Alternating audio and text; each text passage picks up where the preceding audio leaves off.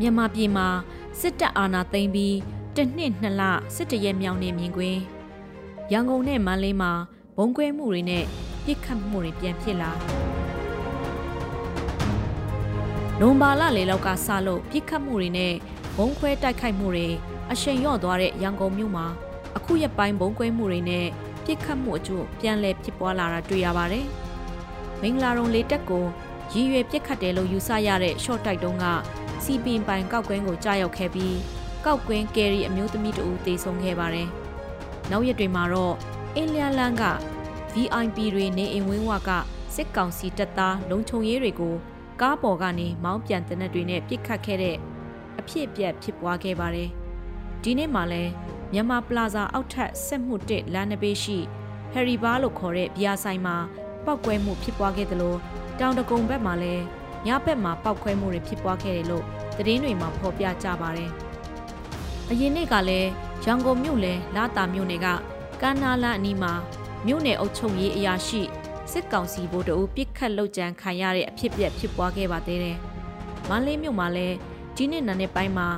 လမ်းလေကျွန်းမှာထောင်ထားတဲ့ဘုံတလုံးပောက်ကွဲခဲ့ပြီးပြက်သွားတဲ့ကားတစ်စီးပေါ်မှာစီးနှင်းလာသူတွေဒဏ်ရာပြင်းထန်စွာရသွားတယ်လို့သတင်းတွေမှာဖော်ပြကြပါတယ်။ မန္တလေးမှာခုသတင်းပတ်ပိုင်းမှာဆန္ဒပြသူတွေနဲ့ PDF နဲ့ဆက်ဆက်သူတွေဒါဇင်နဲ့ချီပြီးဖမ်းဆီးခံထားရသလိုအချို့ဆန္ဒပြခေါင်းဆောင်တွေဖမ်းဆီးခံရပြီးလားနဲ့ချီတဲ့အထိအကျဉ်းထောင်ထဲမပို့သေးပဲစစ်ကြောရေးမှာရှိနေသလားအသက်အန္တရာယ်စိုးရိမ်ရသလားဆိုတဲ့အနေအထားရှိတဲ့သတင်းတွေလည်းဖော်ပြနေကြတာတွေ့ရပါတယ်။ရန်ကုန်မြို့နဲ့မန္တလေးမြို့တို့မှာမြို့ပေါ်လှုပ်ရှားတဲ့လက်နက်ကင်ပျောက်ကြားအဖွဲ့တွေခက်စိတ်စိတ်လှုပ်ရှားလာနေပြီး စစ်ကောင်စီရဲ့အုပ်ချုပ်မှုကိုအခြေမကျအောင်လှုပ်ဆောင်နေတဲ့ရည်ရွယ်ချက်လည်းဖြစ်ပါတယ်။မြို့ပေါ်ကလူထုအနေနဲ့တော့စားဝတ်နေရေးအရာရှင်သာနေထိုင်ဖို့အတွက်စီးပွားရေးလှုပ်ဆောင်မှုတွေအတွက်သွာလာလှုပ်ရှားနေကြရတဲ့အနေအထားရှိပြီးစစ်ကောင်စီဘက်ကတော့လူတွေပုံမှန်သွာလာလှုပ်ရှားနေကြတယ်ဆိုတာမျိုးပုံဖော်ဖို့ရည်ရွယ်ချက်ရှိရလဲဖြစ်ပါတယ်။လူတွေပုံမှန်သွာလာနေကြတာကိုအခြေအနေပုံမှန်ပြန်ရောက်သွားပြီလို့တော့ယူဆလို့မရပါဘူး။ နိုင်ငံရေးအရာထောက်ခံမှုလက်ခံမှုနဲ့စာဝတ်နေရေးအတွက်သွာလာလှုပ်ရှားကြရတာမတူကွဲပြားတဲ့သဘောပါ။တာမန်လက်လုံးလက်စားလူဒန်းစားများရဲ့အခြေအနေဟာ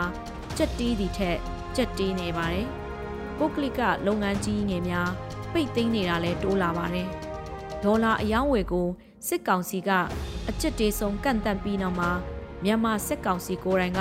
သူတို့ကိုသူတို့စန့်ရှင်လုပ်လိုက်တယ်လို့ဖြစ်နေတယ်လို့ လုပ်ငန်းရှင်တချို့ကဝေဖန်လိုက်ပါတယ်။တန်ငွေတွင်းထွက်ပစ္စည်းတဘာဝရင်းမြစ်များစိုက်ပျိုးရေးထုတ်ကုန်များနဲ့တွင်းကုန်လုပ်ငန်းတွေကနေစစ်ကောင်စီကိုယ်တိုင်ကအကျိုးအမြတ်ရှိနေရကအခုဒေါ်လာကိုကန့်သက်တာဟာအိမ်နီးချင်းသီရိလင်္ကာနိုင်ငံက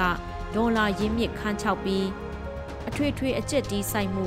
ရင်ဆိုင်ရတာမျိုးကိုစိုးရိမ်နေတာလားလို့အချို့ကတွက်ချက်ကြသလိုအချို့ကတော့လည်းဆက်လက်နဲ့ပစ္စည်းတွေဝယ်ယူစုဆောင်းမှု တိုးချဲ့လာနေတာကြောင့်လည်းဖြစ်နိုင်တယ်လို့ခန့်မှန်းကြပါတယ်။ဆက်လက်နဲ့ကိုအိမ်နီးချင်းနိုင်ငံတွေကတာမကအခြားအဝေးနိုင်ငံတွေကနေဓာတ်ရိုက်ငွေပေးပြီးလွတ်လပ်စွာဝယ်ယူစုဆောင်းနိုင်တဲ့နိုင်ငံတော်အာဏာရယူထားတဲ့အဖွဲ့အစည်းဖြစ်တာမို့စစ်ကောင်စီကဈေးကွက်ထဲကလဲပတ်နေတဲ့ဒေါ်လာငွေကိုတင်စီပြီးဆက်လက်နဲ့၎င်းတို့အင်အားများအကျိုးစီးပွားအတွက်မြင့်တင်သုံးစွဲချင်တာဖြစ်မယ်လို့ဆိုကြပါတယ်။ ခုခံဆက်ဆင်နွှဲနေတဲ့တော်လှန်ရေးလက်နက်ကိုင်အဖွဲ့အစည်းအသီးသီးကလည်းမြို့ပြပျောက်ကြားစစ်ကိုတိုးတဲ့အပြင်နေတွေမှာလည်းတွန်းလှန်စစ်တွေတိုးမြင့်လာနေပါတယ်။ပြန်လွှားအောင်စစ်စင်ရေးကနေ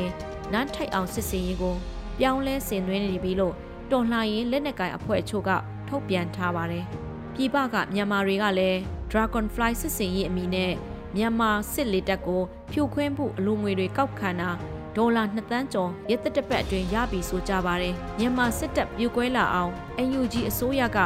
စက်ရန်နေရတွေနဲ့အတူပြည်သူရင်ခွင်ခိုလုံလာသူစစ်သားတွေအတွက်စုကြီးတွေတိုးပေးထားပြန်ပါတယ်တော်လှန်ရေးအစုံဖြတ်မှာစစ်ပွဲကြီးတွေကအရေးပါသလိုရန်သူစစ်အင်အားမမျှော်လင့်ပဲရုတ်ချီးပြိုကွဲသွားတာမျိုးကလည်း game changer ဖြစ်တယ်လို့ဆိုကြပါတယ်မစားရဝမခံကြားရတဲ့သတင်းတွေဟောလဟာရတွေကို နားဆွနေရတဲ့ပြည်သူတွေကမျောလင့်ချက်မျိုးစုံတွက်ချက်မှုမျိုးစုံနဲ့အာတင်ပြီးရုန်းကန်နေကြတောင့်ခံနေကြရတာသိချပါတယ်။အိုးအိမ်အသက်စီးစိမ်လွတ်လပ်ခွင့်တွေစွန့်လွတ်ဆုံးရှုံးခံထားတဲ့ပြည်သူလူထုတွေ၏ဘဝတွေအသက်တွေကလည်းမြဲအလေးဂရုပြုထားရမယ့်အချက်လည်းဖြစ်ပါတယ်